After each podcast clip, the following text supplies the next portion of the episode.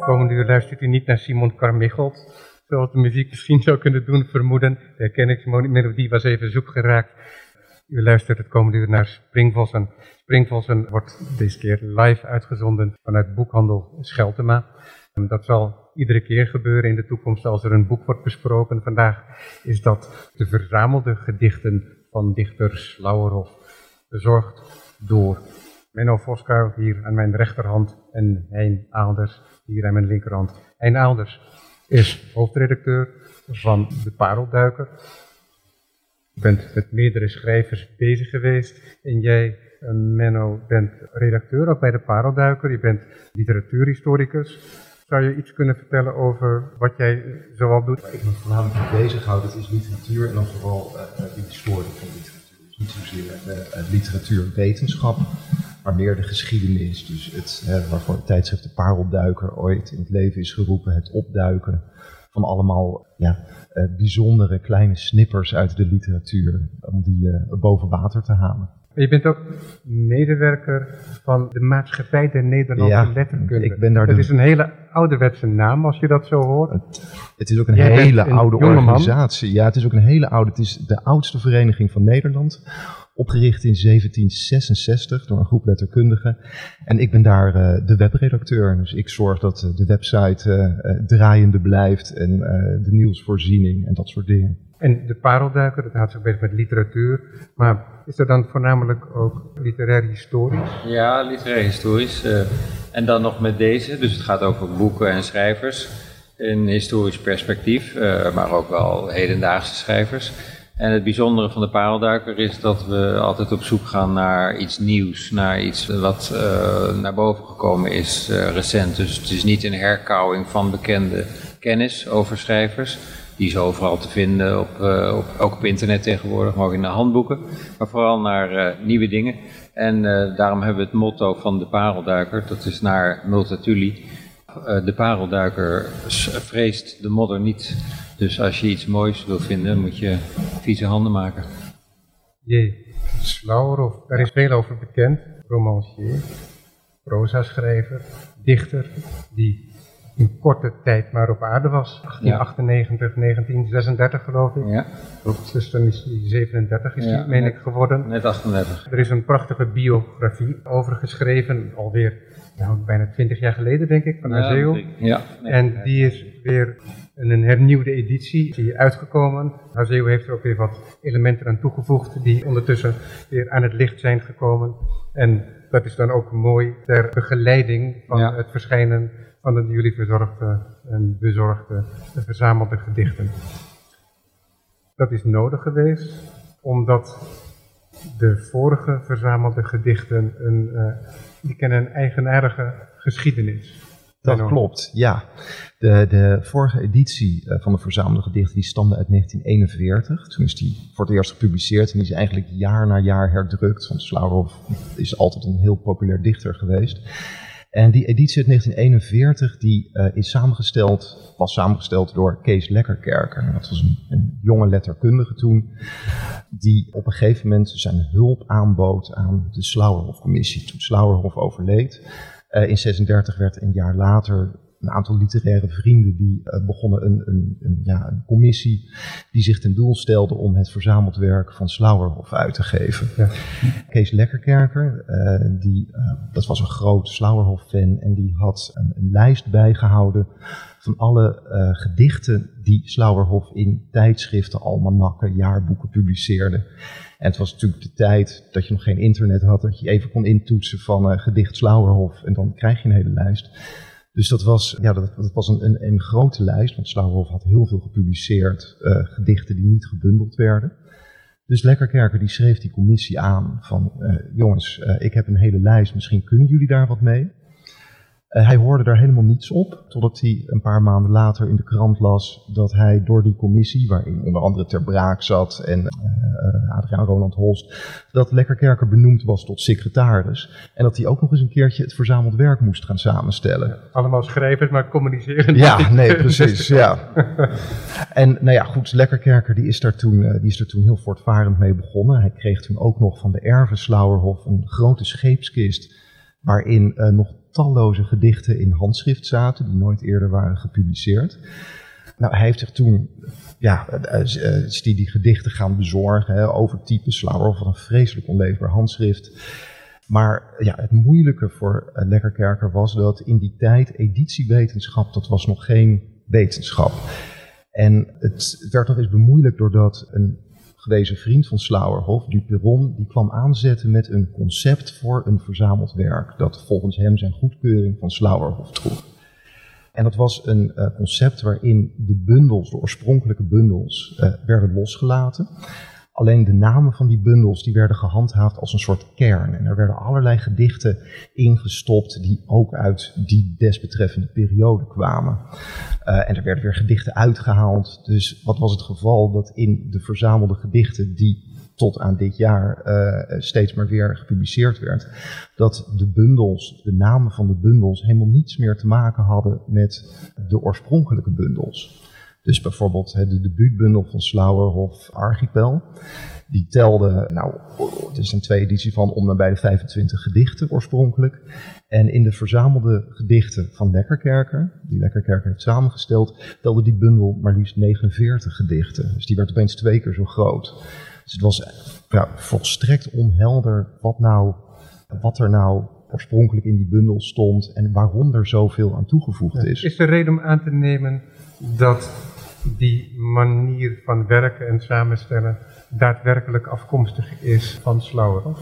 Nou, ik denk het niet van Slauerhoff, maar uh, want Slauerhoff was nooit eigenlijk altijd alleen verantwoordelijk voor, zijn eigen, voor de samenstelling van zijn eigen bundels.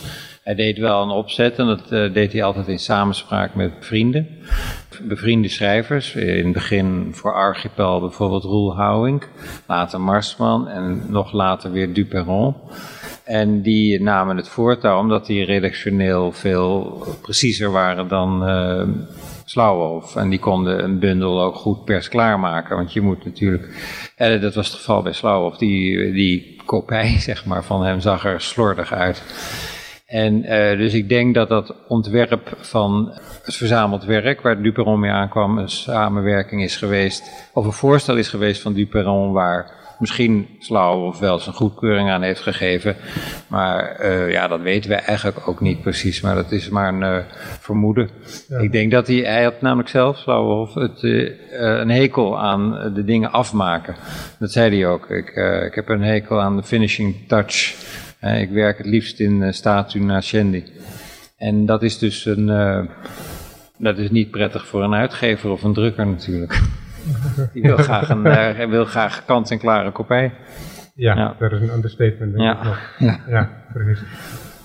Hoe ben jij bij Slauwhof terechtgekomen en kan je misschien zeggen wat dat dan was? Mm -hmm. Ik jou uh, interesseerde daarin. Tijdens mijn studie Nederlands aan de Universiteit van Amsterdam heb ik mij een keer uh, gebogen over de bundel Soliaris, want die is nogal bijzonder tot stand gekomen. Ook weer met wat Menno daarnet al zei, in samenwerking met uh, Duperron, als het kwam op de definitieve uh, keuze van de gedichten en de, het pers klaarmaken van uh, die gedichten. En er bestaan ook nog wel in overlevering een aantal verschillende versies van in, in, in kopijvorm. Dat heb ik toen voor mijn studie een, uh, zeg maar een soort uh, historisch-kritische kleine editie van gemaakt. En voor mijn afstudeerscriptie ben ik weer met Slauwerhof aan uh, de gang gegaan. En toen heb ik het gehad over, de, ja, over zijn poëziekritieken. De Slauwerhof als poëziecriticus. En dat onderwerp heb ik tien jaar later weer opgepakt om erop te promoveren. Dat is een uh, dissertatie geworden over. En dat ging iets breder over, de, over Slauwenhof als, uh, als opvattingen over, uh, over de dichter en over de, wat hij vond wat poëzie was ja. en de functie van poëzie. Ja. Ik stel de straks de vraag anders nog wel een keertje. Of ja. we wat verder op in het gesprek zijn. Wat dan het persoonlijke element erin is. Want nu heb je je keuzes aangegeven en het traject dat je gevolgd hebt. Ik stel jou dezelfde vraag nu, Menno. Mijn liefde voor Slauerhof is eigenlijk aangewakkerd door Kees Lekkerkerker. Ik Kees Lekkerkerker leren kennen toen hij 90 was. Uh, in het jaar 2000 was dat. Ehm, hij was bevriend met een hele goede vriend van mij en uh, zodoende kwam ik in contact met hem. En uh, ja, het, is, het is een hele interessante man is het geweest. Hij is op zijn 96ste overleden in 2006. Ja, ik, ik kan me nog goed herinneren dat ik voor het eerst bij hem binnenkwam. En naast de voordeur stond de oorspronkelijke scheepskist van Slauerhof. Want die had hij nog altijd in zijn bezit met daarin alle documenten van Slauerhof. En ik weet nog goed dat uh, ik kwam regelmatig bij hem op bezoek. En als hij dan een gedicht van Slauerhoff las, wat hij regelmatig deed, dat hij er nog zo ontroerd door kon raken. En dat heeft mij toen zo aangegrepen. Ik dacht, ja, ik moet dat zelf ook gaan lezen. Ik had het vroeger wel eens gelezen, maar nooit zo intensief. En, en toen is die als iemand dat een hele leven kan doen, dan denk je, ik heb iets precies, gemist. Precies, als je op je negentigste nog steeds, terwijl je hele leven al met Slauerhoff bent bezig geweest, nog steeds ontroerd kan raken als je zo'n gedicht leest, dan, ja, dan moet dat wel een hele bijzondere dichter zijn geweest. En dat klopte dus ook. Ja, en ook omdat hij vaak voort wordt gesteld. Dat heb ik jou ook horen zeggen. Als een dichter die ook kan weerklinken in het hoofd van jonge mensen. Mm Ja. dat het ook jongeren aan kan spreken. Ja, dat is uh, omdat hij natuurlijk het uh, aura heeft van een uh, romantische dichter. En niet onterecht natuurlijk. dat is een, een, dichter dus die in het bijzonder aangetrokken is door exotische gebieden in de wereld. zelfs in Slauwhof gaat het nog veel verder dan de wereld. Want het gaat ook in de kosmos zo en in tijd. over, overspant hij ook enorme periodes, vele eeuwen. Dus Slauwhof is een, uh, romantische dichter en daardoor zijn uh, jonge mensen ontvankelijk. Maar ik merk uh, om mij heen, en ik heb het zelf ook ervaren, ik denk dat het voor alle leeftijden zo geldt. Want het is, zijn thematiek is niet zo smal dat het alleen maar over, over die romantische noties die ik daarnet heb genoemd. Het, uh, het uh, bestrijkt veel meer uh, dingen. Het gaat over, vaak over, in het begin van zijn periode, over Griekse mythologie. Dan heb je natuurlijk die reisgedichten, het verlangen naar de einder en ook maar het verlangen naar geliefdes natuurlijk. dan heb je een hele duidelijke invloed, is die Chinese poëzie, die eigenlijk weer heel verstild is en heel eenvoudig, maar wel diepzinnig. En dan heb ik, wat ik nog niet eens genoemd heb, is de poet modi kant. En daar hebben we zo meteen nog een voorbeeld van, misschien met een gedicht. dus de, de, de, de kant van de gedoemde dichter, waarin hij zijn uh, voorbeelden zag in uh, Arthur Rimbaud en Tristan Corbière en Paul Verlaine, om een paar te noemen, maar er zijn er veel meer. Dus het is een hele breed geschakeerde dichter, vind ik. De poëzie die komt rijk aan bod, want ik heb jullie gevraagd ook een selectie te maken onmogelijke opgave, maar jullie hebben het toch gedaan. Jullie hebben dit weekend alle twee uh, drie gedichten toegestuurd. Dat zal een pijnlijke restrictie zijn geweest misschien. Dat is maar moeilijk. Misschien moeilijk kiezen. Uh, nog een keer wat, een andere keer wat anders doen en dan kunnen jullie weer andere gedichten kiezen. Ik dacht om een soort beeld te geven van uh, wat dat dan betekent, het romantisch dichterschap. Lees ik een stukje voor uit de biografie van Hazeel. Daarin zegt hij het volgende. Voor mij is Laurov de zwerfzieke zoeker die nergens thuis komt. De man die zich bij de fado en de flamenco thuis voelt. De scheepsarts die in en achter de havens op avontuur gaat. De man die lijdt aan een verterend heimwee. Naar de zalige streken die ik verdedig en zelf nooit bereik, citeert hij dan. De man die de ene keer willend en wetens, de andere keer argeloos het geluk zoekt. Achter de einder, in de verte, in den blinde. De man die kwetsbaar en kwetsend is, wrevelig en achterdochtig, maar vooral en altijd al dwalend, twijfelend aan de zin van het bestaan. Niet intellectualistisch, maar emotioneel, bijna koesterend zijn wijze van leven. Masochistisch en tragisch tegelijkertijd. De man die, dan volgt er weer een citaat, chaos behoort en nimmer raakt tot orde. Hij had geen bezwaar tegen chaos, hij zocht die, net zoals Robert Louis Stevenson, op. Hij leefde er middenin. Overgeleverde ideeën over orde accepteerde hij niet. Hij was net zo min bereid zulke ideeën op zijn gedichten en proza toe te passen als op zijn leven. Dat is een man die inderdaad moeilijk in een, een, maatschappij lijkt te passen en inderdaad beter op een schip, wat hij uiteindelijk heeft gedaan. Zeker, ja. Ja. Toch zou ik er nog iets aan willen toevoegen. Uh, niet om hem te corrigeren, maar nog iets echt aan toe te voegen. Is dat Slauwhoff natuurlijk ook een, is een schrijver. Dus hij is ook een groot deel van zijn leven, dat kan je ook wel in het boek zien, letterlijk bezig geweest met schrijven.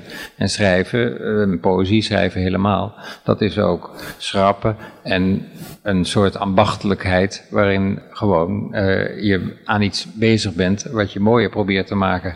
En dan, dus behalve dus de, wat we net allemaal hebben genoemd, dus de persoonlijkheid van Slauwenhof, die uh, een romantische inslag heeft en helemaal gedetailleerd daarnet door Hazeur beschreven is, is het natuurlijk ook een maker, een, een iemand die kunstwerken maakt, in dit geval uh, romans, verhalen en gedichten. En dat is eigenlijk ook weer een hele eenvoudige, simpele bezigheid. Ik bedoel, achter een bureau zitten en uh, je pen uh, laten gaan. En, uh, snap je ja, wat ik bedoel? Ja, ja zeker, ja. want dan wordt die weltsmerts, ja. die wordt dan daarmee op een bepaalde manier ook verdreven. Ja. Ook al Ja. komt hij dan weer terecht Precies. in ja. die poëzie, maar het poëzie is ook, laten we zeggen, een droog maken. ja. Hè, dat is niet een voortdurend in vervoering zijn. Nee, dus uh, je hebt dus uh, als lezer krijg je die ervaring weer, die emotie roept hij op van die persoon die daar wordt beschreven. Maar degene die daartussen staat is de dichter die dat uh, zeg maar als een soort intermediair zo heeft bijna abstract zou ik zeggen, of in, nee niet abstract, bijna technisch heeft omgevormd. Zeg maar. Ja. De editie die jullie gemaakt hebben, die is uh, werkelijk indrukwekkend. Ik ben toch wel wat gewend. Maar deze verzamelde gedichten Ja. zijn uh, echt enorm. En dat in dat korte leven. 37 geworden, dus dan heeft hij misschien 20 jaar geschreven. Ja, dat En- is het ongeveer. Niet, niet, zeker niet langer. zijn Maar, alleen zijn gedichten. Jullie hebben dus eerst de bundels uh, weergegeven hier en vervolgens de verspreide gedichten. Dus hij bundelde niet alles. Maar er zijn ook, er ook een hele afdeling met nagelaten gedichten. En ik ben nog niet eens op de helft gekomen, dus ik ben daar nog niet eens aan toegekomen. Wat zijn die nagelaten gedichten, Menno? Uh, nou, die nagelaten gedichten die komen grotendeels uit die scheepskist uh, van Slauerhof. Uh, Waar moet je ik net, net al noemde. Die begint echt mythische te nemen. Nou, dat, dat had hij dus ook, die scheepskist. Um, nee, Slauerhof heeft gewoon zo ontzettend veel geschreven. En hij schreef op alles. Hij schreef op, op kladblaadjes. Hij schreef op schutbladen in boeken, gedichten. Daar is gewoon zo ontzettend veel overgeleverd. En toch ook van zo'n hoge kwaliteit. Want na zijn dood, een jaar na zijn dood, is er een, een, een themanummer van tijdschrift Groot Nederland verschenen. En daar stonden, er werden een, een flink aantal gedichten weer in afgedrukt, nieuwe, nieuwe gedichten. En de kwaliteit ervan is zo ongelooflijk hoog. Dat je denkt van dit zijn dus gedichten die hij gewoon in portefeuille heeft gehouden. Terwijl die zich uh, makkelijk kunnen meten met zijn beste gepubliceerde werk. Dus het, ja, het is echt ongelooflijk hoeveel Slauerhof geschreven heeft in Ja. zijn leven. En is de statuur daar dan duidelijk van?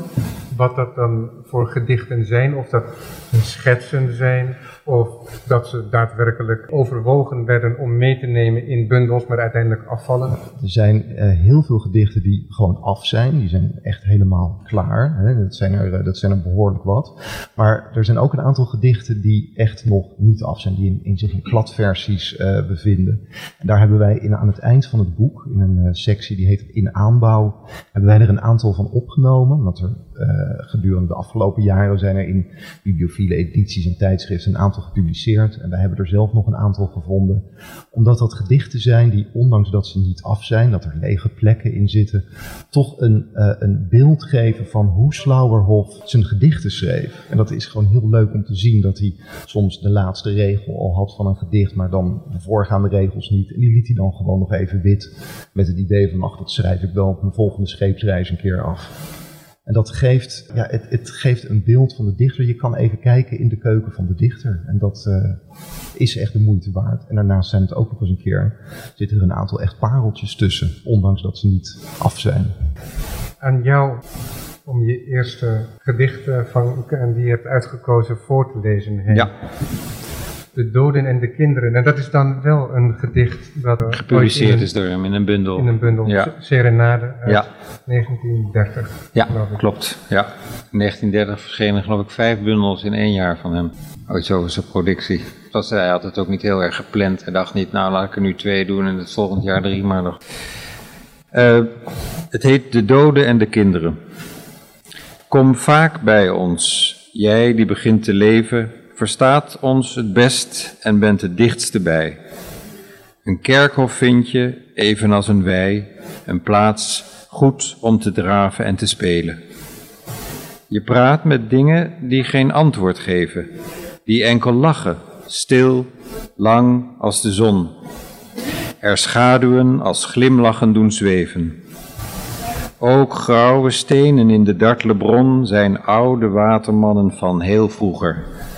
Zij moeten stilstaan en zij lachen goedig als je, schoenen en kousen in de hand, over hun hoofden springt naar de overkant.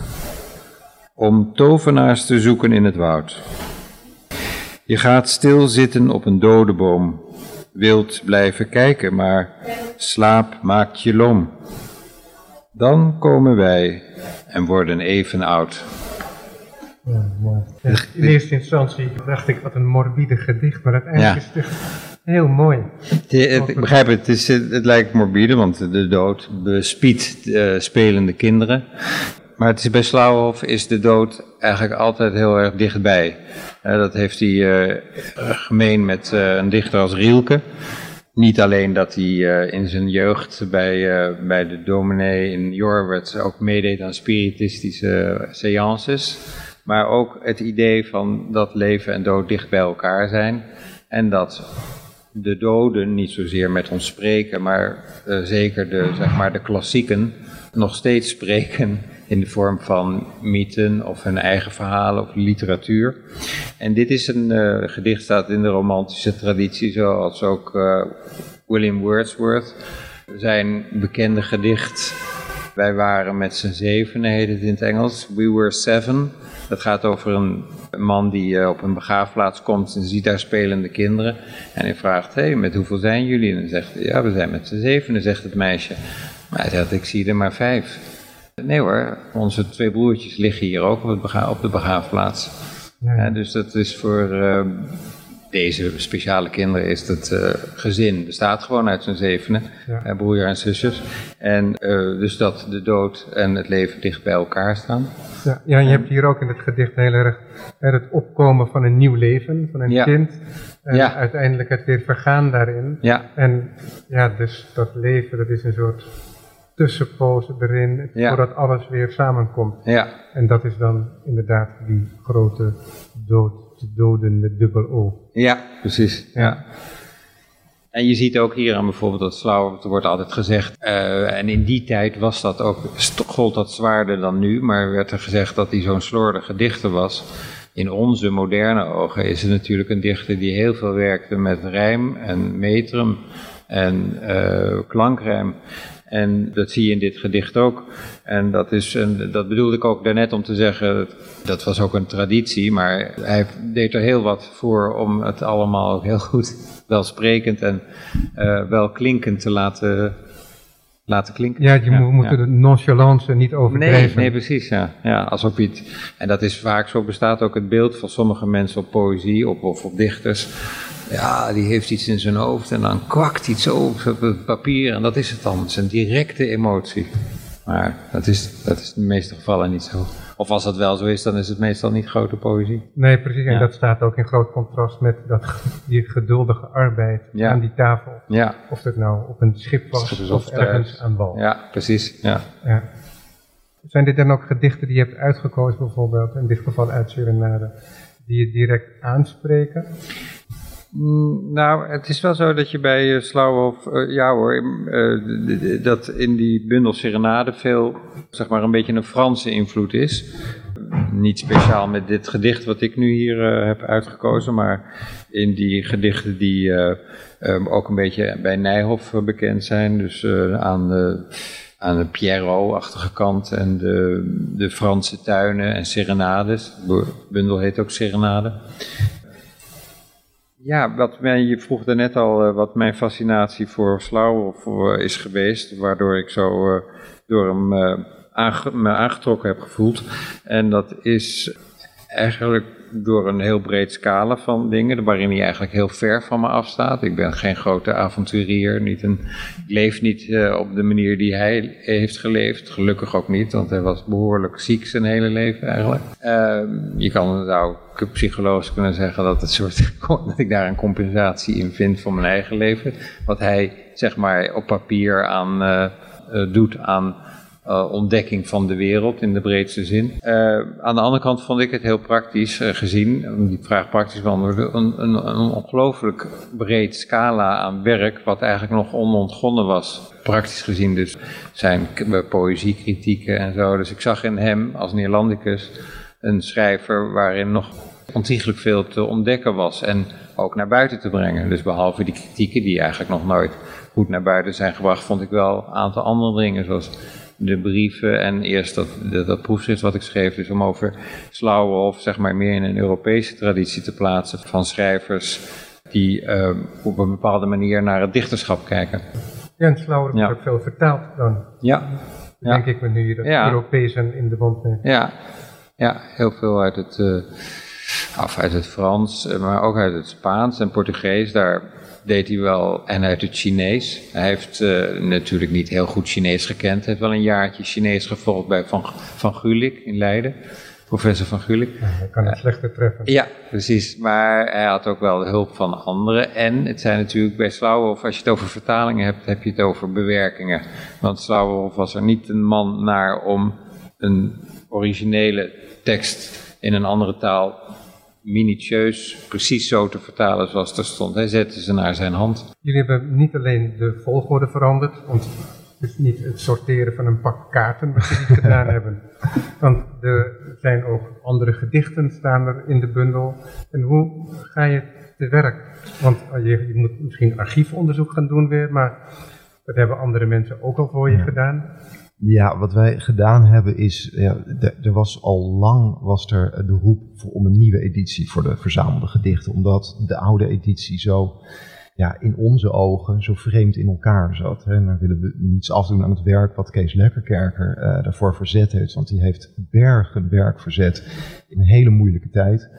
Dus we zijn allemaal heel schapplichtig aan wat hij allemaal boven water heeft weten te krijgen. Maar ja, het was echt tijd voor een nieuwe editie. En uh, die roep die was al heel lang. En Lekkerkerker die wist het zelf ook dat zijn editie gewoon niet meer van deze tijd was. Hij heeft in 1980 een interview gegeven in de NRC waarin hij gewoon zei van er moet gewoon een nieuwe editie komen. En dat gebeurde maar niet. En toen hebben wij uiteindelijk uh, samen gedacht van nou dan moeten wij het maar eens gaan doen. En wat wij gedaan hebben is eigenlijk heel simpel eerst gaan kijken wat is er tijdens Slauerhofs leven gepubliceerd. Wat heeft hij zelf gepubliceerd? Nou, dat zijn in de eerste plaats de bundels. Uh, dus daar beginnen we de verzamelde gedichten ook mee. Daarnaast zijn er nog uh, vele tientallen, zo niet honderden gedichten die hij in tijdschriften gepubliceerd heeft, of almanakken, of jaarboeken, of waar dan ook, die hij niet gebundeld heeft. Die hebben we vervolgens in een tweede sectie chronologisch geordend. Dus dan kun je vanaf de studentenpoëzie tot aan het laatste gedicht, wat hij zelf heeft ingestuurd voor een tijdschrift, kun je een soort ontwikkeling in zijn dichterschap zien. En daarna hebben we alle gedichten die na zijn dood zijn gepubliceerd, uh, dus na eh, 1936 hebben wij thematisch geordend, omdat daar heel lastig een chronologie van valt te bepalen. Omdat Slavov ja, heel slordig was, hij schreef op kladblaadjes en je kan wel met een soort archeologisch onderzoek gaan nagaan hè, hoe oud een bepaald stukje papier is en uh, of er op de achterkant nog iets staat wat, wat een datering kan geven. Maar ja, daar zou je eigenlijk met een team mensen, moet je daar twintig jaar aan gaan zitten werken om daar een mogelijke uh, chronologie aan te geven. Dus wij hebben toch werk over. Ja, precies. Er is, altijd nog, er is altijd nog plek voor een echte wetenschappelijke editie. Dit is een nieuwe publiekseditie. En wat wij eigenlijk gedaan hebben met die gedichten die na zijn dood boven water zijn gekomen, is ze thematisch gaan ordenen. Dus we hebben een aantal thema's uh, genomen die in Slauerhofs werk steeds weer voor voorkomen. En daar hebben wij uh, ja, een eigen, ja, ik kan het zeggen, een soort eigen bundels van gemaakt. Uit die nagelaten gedichten heb je één gedicht gekozen. En dat is niet het eerste gedicht dat op de lijst stond, maar ik dacht misschien is het aardig om dat nu wel voor te lezen dan. Dus, de, dus de eerste zin is dan de titel, want het is een titeloos gedicht. Ik bouwde in het midden van de verboden stad. Nou ja, ik zal hem er even bij pakken. Dat is deze. Ik bouwde in het midden der verboden stad, omringd door een achtdubbele omheining, in het midden van een bodemloze vijver, het paviljoen waarin zij wonen moest. Toch waagde zich in de verboden stad en klom over de achtdubbele omheining en zwom naar het verre midden van de vijver, de minnaar, die door het noodlot komen moest. Dus was het niet genoeg keizer te zijn over het rijk van het midden. Ik werd God, om haar te onttrekken aan elk sterfelijk oog. Ik gaf haar de hoogste hemelberg tot woning, midden in het onpeilbaar wereldmeer, waar ik gans Yamato kon verdrinken. Maar vele zielen zweefden op den wind, de zon scheen gloeiend dwars door alle wolken, de minnaar gleed aan op een manestraal. In zwarte aarde zal ik haar begraven. Onontkoombaar. Ja, Het is net alsof uh, Borges hier ook nog een rol in heeft gespeeld. Nou ja, ja. ja, en dit is een gedicht. hun ik heb- levens overlapten elkaar. Ja. Nee, ik heb dit gedicht eh uh, uitgekozen. In de eerste plaats omdat ik het echt een schitterend gedicht vind. En in de tweede plaats omdat dit gedicht ook laat zien uh, een manier van werken die Slauerhoff vaker toepaste in zijn gedichten. Dat hij, hij neemt hier de persoon eigenlijk van een Chinese keizer aan. Het is een, een, een, uh, die een geliefde in de verboden stad wil ja, vasthouden. En dat, uh, dat, dat aannemen van andere uh, personen en vervolgens een gedicht maken wat weer heel persoonlijk wordt. Dat is iets wat Slauerhoff veel vaker in zijn gedichten toepaste. En in dit geval, hè, de jaloezie. Uh, was getrouwd, uh, is een aantal jaar, vijf jaar getrouwd geweest met Darja Kallin, een beeldschone danseres. En het is bekend dat Slauerhoff vreselijk jaloers was op haar als zij in voorstellingen uh, danste met mannelijke tegenspelers. En dat was voor hem eigenlijk haast ondraaglijk. En dat is iets wat in dit gedicht, hoewel het in een andere tijd, op een andere plek afspeelt, toch gewoon terugkomt. Het gaat eigenlijk over Slauerhoff zelf. En dat is iets wat hij in veel gedichten gedaan heeft. Ja. En het is alsof hij door het inderdaad op afstand te plaatsen inderdaad iets ja. persoonlijks kan schrijven. Want dat verbaasde me erover.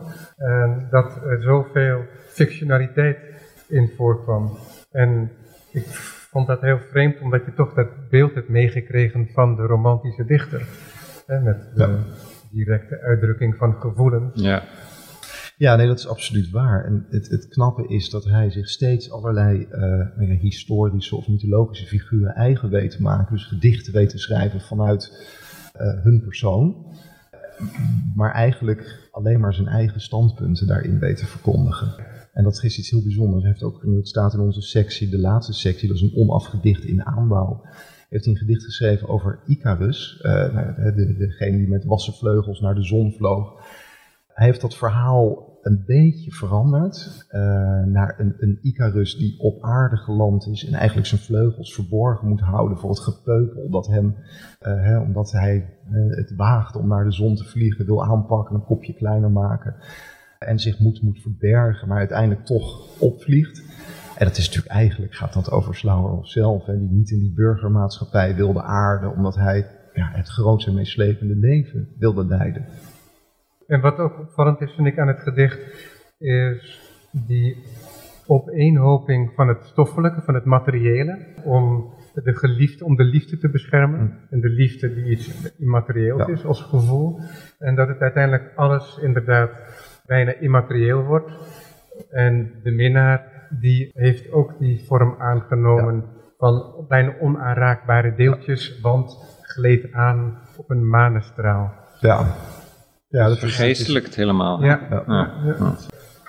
Wil je nog een gedicht voorlezen uit je selectie? Uh, ja, dan, ik heb er nog. Uh, zal Die ik, eerste uh, maar, aan achter Rimbaud. Ja, omdat dat het zal het dus waar even al bij eerder aan gerefereerd is, eigenlijk Rimbaud, de poëet maudit. Ja. Die jij dan toch ook als collega zag, onvermijdelijk. Ja, het is een gedicht. Het begint met. eh, het gedicht heet aan Arthur Rimbaud. En het begint met de regel: Rimbaud, mijn dode kameraad. En ik denk voor dit gedicht. Slauerhoff is een hele toegankelijk dichter. Je hoeft weinig kennis te hebben van zijn leven of, of zijn interesses om zijn poëzie te kunnen begrijpen. Dan, ja, daarom is het ook voor, waar hij net al aan refereerde, voor jongeren zo'n zo'n makkelijke dichter om te lezen. Een dichter waar je uh, meteen een klik mee hebt. Maar dit is nou net een gedicht waar je wel even wat achtergrondkennis voor moet hebben. Uh, Arthur Rimbaud was een, een, een Frans dichter. Geboren in 1854, zeg ik even uit mijn hoofd, in het Franse plaatsje Charleville, Noord-Frankrijk. Groeide op met zijn moeder, een broer en een zus. Zijn vader was al vrij vroeg uh, gevlogen. Was een, een wonderkind. Uh, hij schreef al op de, op, de, op de lagere school gedichten, essays waarmee hij prijzen won. En uh, nou toen hij op een gegeven moment ging puberen, toen kwam hij in aanraking met uh, de poëzie, uh, dankzij een jeugdvriend van hem. En ja, hij begon ontzettend mooie gedichten te schrijven. En hij wilde, hij zocht aansluiting, hij ontdekte ook de, de, poëzie van zijn tijd. En dan met name de Parnassienne, het was een, een Parijse groep dichters, een beetje een avant-garde groep dichters die in, in, in, in opstand kwamen tegen de heersende poëzie.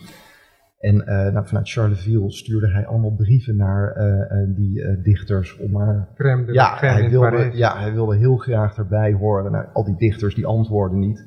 Totdat hij op een gegeven moment een brief schreef naar de dichter Paul Verlaine. Dat was tien jaar, dus tien jaar ouder dan Rimbaud, was ook nog een jonge dichter. En tot uh, Rimbaud's verrassing antwoordde Paul Verlaine wel. Uh, hij kreeg een brief terug, uh, waarin nou, Verlaine was erg onder de indruk van de gedichten die Rimbaud had opgestuurd. En uh, Verlaine die stuurde een brief terug uh, met de woorden Viens mon âme, kom mijn vriend. Uh, een, een, uitnodiging die, ja, Verlaine had natuurlijk gedacht, ach zo'n jongen in, in Charleville, die komt heus niet naar Parijs. Maar hij kende natuurlijk Arthur Rimbaud niet, want die stapte vervolgens op de trein. En ging op de bon hij, was, ja, hij was 17 jaar, toen ging hij naar Parijs op de Bonnefoy om, om Paul Verlaine op te zoeken. Hij, kwam daar aan, hij ontmoette Verlaine ook. Verlaine was, uh, nou, die was aanvankelijk nogal gechoqueerd van wat hij zag, want Rimbaud was een beetje lange, slungelige boerse jongen met, met nogal boerse manieren. Maar er kwam al heel snel ontstond toch een klik tussen uh, die twee. En dat werd ook, hè, naar wij nu aannemen, een, een erotische relatie. Verlaine uh, die nam Rimbaud mee naar die Parnassienne. Nou, Rimbaud die misdroeg zich daar vreselijk. Vervolgens zijn ze samen, want uh, Verlaine verliet vervolgens voor Rimbaud ook nog eens een keer zijn vrouw en zijn pasgeboren kind. Gingen ze samen naar, uh, naar Brussel, naar Londen toe. Uh, dat ging uiteindelijk mis. Verlaine dronk nogal veel, Rimbaud overigens ook. Verlaine in een, in, een, in een delirium schoot met een revolver op Rimbaud. En werd daarvoor even later opgepakt, omdat Rimbaud bang was dat hij nog een keer zou gaan schieten op hem. Nou, Verlaine moest uh, naar de gevangenis, werd overigens niet zozeer veroordeeld voor dat pistoolschot, maar werd veroordeeld vanwege sodomie. Ja, want dat, dat is pas echt erg, ja, dat je iemand doodschiet, probeert dood te schieten, dat maakt niet uit, maar sodomie, nee, dat, uh, dat kon echt niet. Nou, Rimbaud gaat vervolgens, die, die zwerft heel Europa rond, die zit in Duitsland, gaat weer naar Londen, Italië schrijft bij zijn moeder thuis. Hij gaat wel weer even terug naar Charleville, wat hij verschrikkelijk vond. Want zijn moeder woonde toen even buiten Charleville. Schrijft daar uh, een seizoen en enfer, een seizoen in de hel. Uh, stelt later nog een bundel Illumination samen. De boeken verschijnen eigenlijk niet. Rimbaud die zegt vervolgens de literatuurgedag. En uh, wordt, ja, hij, hij komt op een gegeven moment, hij meert aan in Harderswijk om uh, met het, het, het, Nederlands leger naar uh, Nederlands-Indië te gaan. Daar deserteert hij na een maand of twee maanden weer. Gaat weer terug. Op Cyprus wordt hij bouwopzichter. En uiteindelijk belandt hij in Harar in Abyssinië, waar hij uh, ja, handelsreiziger wordt, ontdekkingsreiziger. En probeert rijk te en worden met de handel in precies, wapens. inderdaad. En nou ja, dat is een, het is een leven wat enorm tot de verbeelding spreekt tijdens uh, dat Rimbaud in, nou, ik wijd een beetje lang uit over Rimbaud, maar het is nodig voor Maar gedicht. die komt op een gegeven moment Ja, terug, die komt- 34 jaar oud. Ja, die komt ziek, ziek, ziek, terug. Onder, ondertussen is in Parijs is zijn poëzie is Ja. gepubliceerd en eh, enorm, eh, eh, zijn ster is reizende, maar hij wil daar verder niets meer mee te maken hebben. En ja, hij wordt een beetje het prototype van de gedoemde dichter. En dan komen we weer even op Slauwerhof. Slauwerhof, die eh, rekende zichzelf ook tot die groep gedoemde dichters. En hij zag in Rimbaud echt een, een, een zielsverwant. En er zijn ook heel veel parallellen tussen Rimbaud en uh. Bijvoorbeeld de haat voor de, eh, het, het, thuisland. Althans, Rimbaud die vond Charleville iets verschrikkelijks. Dat was de grootste kwelling voor hem om daar te zijn. Nou ja, dat was Nederland eigenlijk voor Slauerhoff. Hè. Ik kan niet zeggen hoe ik Holland haat is een van zijn uh, beroemde dichtregels. Maar goed, hij, in dit gedicht aan Arthur Rimbaud spreekt hij uh, de dichter Arthur Rimbaud aan, als ware het een echte vriend van hem. Arthur Rimbaud, mijn dode kameraad, ontembre zwerver, burgerterger, je was goed, maar verviel van kwaad tot erger. Ja, de ondergrond, het bloed was goed, Verlaine heeft je ziel bedorven, maar ach, je had het even goed verkorven. Als weer een Claudel, Berrichon en Delahaye, de hele kliek, Rimbaud, omdat het niet anders kon, was katholiek. Maar maak je daarom niet ongerust, er zijn er die je beter kenden. Je had aan Ethiopië's kust lak aan die hele bende. Hun laster is toch je eigen schuld. Waarom ben je niet hier gebleven? Die leugenaars met jachthond geduld te staan naar het leven. Want het is erger slecht te zijn en goed te schijnen dan met een troost. Ik heb veel pijn gedaan, verdwijnen. En jij, je had het kunnen doen. Je was een tijd op weg, zo mooi. Je hoonde Aikaar om zijn fatsoen van het lafstallooi. En wat heb je daarna gedaan? Je liet je verzen in hun handen. Ze roken op hun gemak eraan. Je zat in het heet haar te branden. Waarom ging je steeds naar de vert om daar te staren? Of niet een andere vert werd, eindelijk de ware? Ach, was gebleven in het vaderland, om daar met ons vereend te tergen, die achter elleboog en hand het huigelend gelaat verbergen. En dan lees je daar in die laatste strofe, ach, was gebleven Ja. in het vaderland. Dat- Bij monden van Slauerhoff. Ja, maar wel eh, om daar met ons vereend te tergen. Dus hij wilde wel graag dat natuurlijk hè, die, die burgers werden aangepakt door Ja. Rimbaud. Want eh, je moet er wel bij bedenken dat Slau, of sorry, Rembo, eh, de poëzie verzaakt heeft. Hè? Die, is, die was eh, op zijn achttiende eigenlijk al klaar met Uitgedicht. uitgedicht, moet je je voorstellen. En andere En- mensen hebben ook een, nog veel meer dan in het geval van Slauerhoff ervoor gezorgd dat dat werk eh, werd gepubliceerd en uiteindelijk ook zo'n vlucht nam. Ja, Ja, ja, dat, is, Ja. eh, dat is natuurlijk vooral onder andere. Verlaine. Ja. Ja. Ja. Dat is natuurlijk de initiator van die Ja. hele Rimbaud-cultus die, die, die, die er is ontstaan. En men- wees gerust, Verlaine die zwierf ook dronken door Parijs rond. Ik, heb, eh, ik kom daar tegen in brieven van Paul Valéry, Ja. die door Parijs loopt als jongeling en dan ziet hij die oude dichter inderdaad. Ja, wat in dit gedicht, dat wil ik nog even zeggen, wat je hier ook heel mooi in ziet, dat is eh Slauerhoff de verteller. hè. In zijn gedichten, hij heeft heel veel gedichten waarin hij eh, ja, verhalen vertelt. Niet zozeer hè, puur emoties, maar ook hele verhalen. En dit is eigenlijk een gedicht waarin hij de hele biografie van Rimbaud in een aantal strofen Ja, neerzet. dat is zeker zo. En dat is, vind ik zelf ook wel, dat zie je in andere gedichten ook eh, eh, bij Slauerhoff, dat hij ook enorm kon uitweiden. Ja, en voor een dichter die zo gemakkelijk schrijft, is hij ook heel concis. Ja. Want heel vaak mondt dat uit in heel veel woorden. En dat is dus niet het geval. Hein, ik wil jou ook vragen om weer een gedicht voor te lezen. Welke kies je dan van die andere twee die nog op de lijst staan? Ja, misschien eh, dat mooie sonnet. Kon ik eenmaal toch jouw dans beschrijven? Even kijken, Ja, 600. dan komt die, Ja. eh, die prachtige danseres Collins Ja. weer tevoorschijn. Ja, die is al genoemd. Dat was zijn vrouw. Daar is hij inderdaad, wat je zei, vijf jaar mee getrouwd geweest. Hij is ook weer van gescheiden. Maar hierin beschrijft hij in een bijna volmaakt sonnet. Dus hij kon het heel goed. Netjes en, en, eh, vol, en eh, zo vormvast dichten. Eh, beschrijft hij de twee disciplines van de kunst, de dans en de dichtkunst, tegenover elkaar. En hij is eigenlijk jaloers op die danskunst van zijn vrouw. Ja, dat is echt bijna een topos hè, in die tijd in de poëzie. Paul Valéry, die ik zojuist noem, heeft daar ook veel over Ja. geschreven. Over de poëzie en de dans. En Ja. eh, het, het principe van de creatie Ja, van dat lichaam. Dat, Ja. ehm, ja. dan ben ik wel benieuwd wat Paul van der Rijk erover zegt. Maar Slauwhof zegt er dit over. Kon ik eenmaal toch jouw dans weergeven in een van het woord bevrijd gedicht. Eenmaal even vrij en lenig zweven als jij in de lucht en in het licht met je lichaam doet, dat toch niet even los van de aarde is als wat ik dicht, zich met moeite van de grond opricht, zwaarder dan mijn geest en toch kan zweven. Jij kunt met een wending, een gebaar, woede, weemoed en geluk weergeven, waar ik honderd woorden over doe. Denken is het lichtst, toch wordt het zwaar. En de dans kan het lieve lichaam geven, ziel en zaligheid, en nimmer moe. Prachtig. Mooi hè, hoe die speelt met het, eh, de zwaarte van het een en het andere, en het dan weer omkeert. En die omkering weer, en die eigenlijk op een bepaalde manier ook lijkt op wat er gebeurde in dat eerste gedicht over de doden en de kinderen. Precies, ja. ja.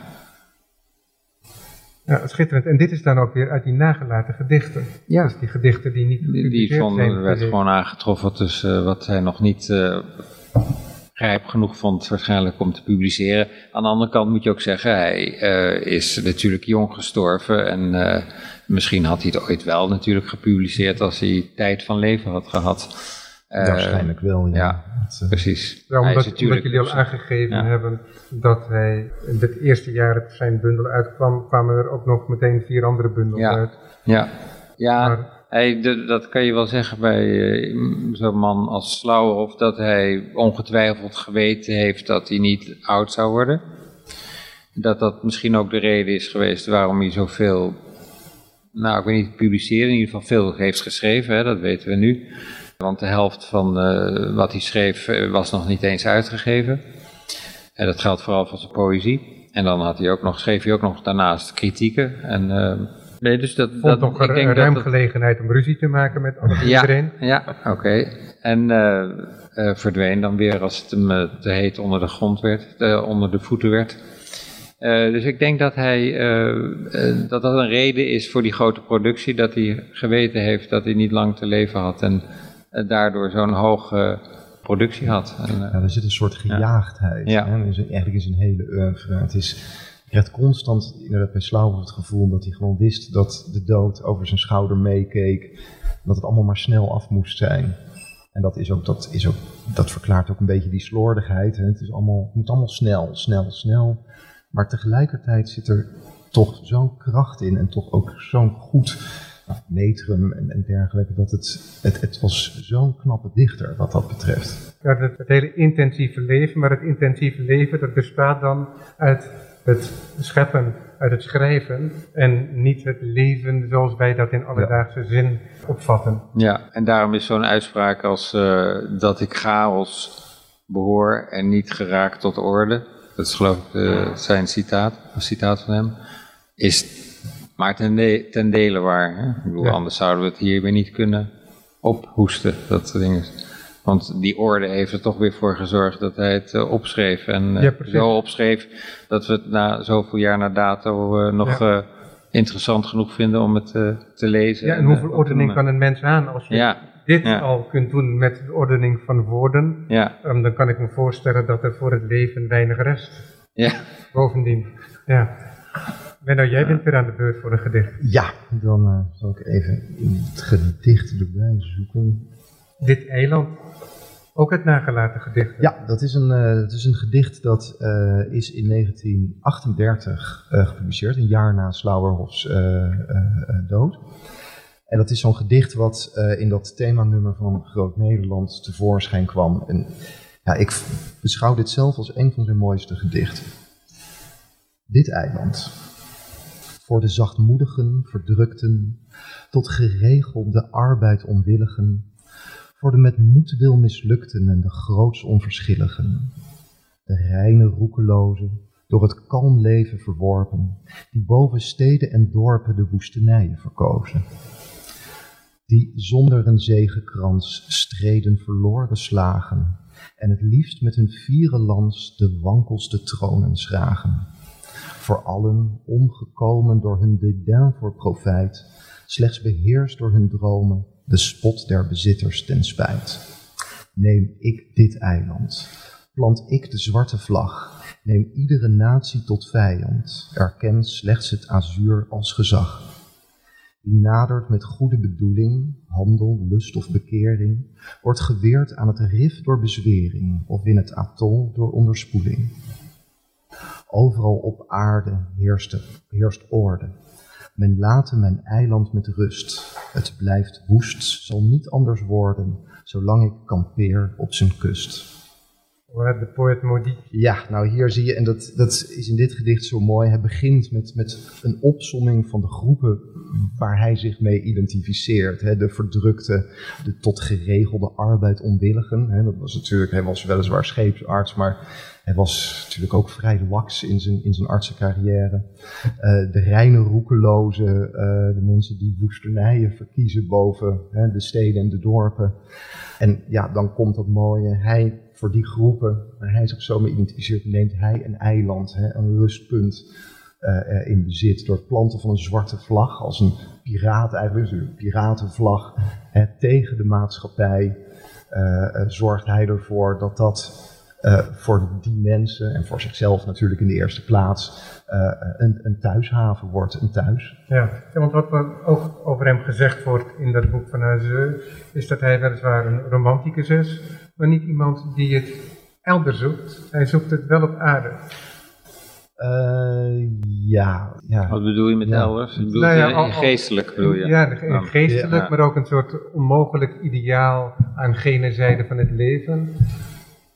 Mm. Ja, moeilijk uh, het zo ja. te zeggen. Het is een hele grote uitspraak altijd in één keer over één persoon, dus ik weet ook niet wat ik... Ja, nou het is wel iemand die altijd uh, heeft gedacht dat het geluk ergens anders was. Als je die brieven van hem leest bijvoorbeeld, waarin ik uh, nogal ben bezig geweest, dan is hij altijd, altijd aan het overdenken waar hij toch zich nog maar moet vestigen. Want hij is onrustig, hij door dat scheep, door die uh, beroep als scheepsarts, heeft hij eigenlijk ook geen vaste standplaats. Hij komt dan steeds terug in Nederland, maar soms heeft hij geen eigen huis. Dus hij woont bij vrienden, of even bij Roland Holst en dan weer daar. En dan denkt hij, wacht, misschien moet ik arts worden in Tanger. Of misschien in Perzië, heeft hij ook een tijdje overwogen. En eigenlijk lees je bij alles, nou, lijkt me toch niet zo'n goed idee. Van, of vanwege het klimaat, wat slecht was voor zijn astma, of vanwege de onmogelijke, on, ja, de onherbergzame plek die hij had opge opgezocht, waar eigenlijk niemand natuurlijk nog hem zou kunnen opzoeken. Maar altijd heeft hij dat wel uh, in zijn achterhoofd gehad, van uh, er moet nog een plek zijn waar ik... en nou ja, dan krijg je daar heel veel gedichten ja, van. Die eigenlijke plek, die is voor mij eigenlijk daarin. ja, maar misschien kan die uitspraak inderdaad dan zo gelezen worden. Ja, dat het wel dat vertrouwen was. Ja. Maar ja, ja. aan de andere kant, kan die horizon voortdurend verschuiven natuurlijk. We hebben nog tijd voor één gedicht. En dat is dan aan jou heen. Pagina 806 staat hij. Aan Po, po Chu-i. Po Chu-i is een uh, Chinese dichter waar hij uh, veel bewondering voor had. Een, ik geloof een 8e, 9e eeuwse, dicht, 9e eeuwse dichter uit China. Ja. Uh, 806, hè, zei je. En ook bij hem heeft hij vaak gehad uh, dat hij zich uh, in zijn gedaante zichzelf voordoet. Hè? Ja. Soms zegt men, ik kom u nabij. Sorry, het gedicht heet Aan Pochoi, dus hij spreekt hem toe. Soms zegt men, ik kom u nabij. Maar gij die het met de hemel hield, die door uw verzen gloeide als rood. Ik hecht aan de aard, wie zorgt voor mij? Wat ik schiep werd alweer vernield. Ik ben alleen in rampen groot. Het leven vliegt zo snel voorbij. Uw graf raakt ook al overgroeid aan de ingang van het dodenrijk. Wat tijd is er nog mee moeid, gemoeid. Maar weldra word ik u gelijk, in stilte. Verwacht gij mij? Ja, prachtig. Hein Alders, Menno Voskuil.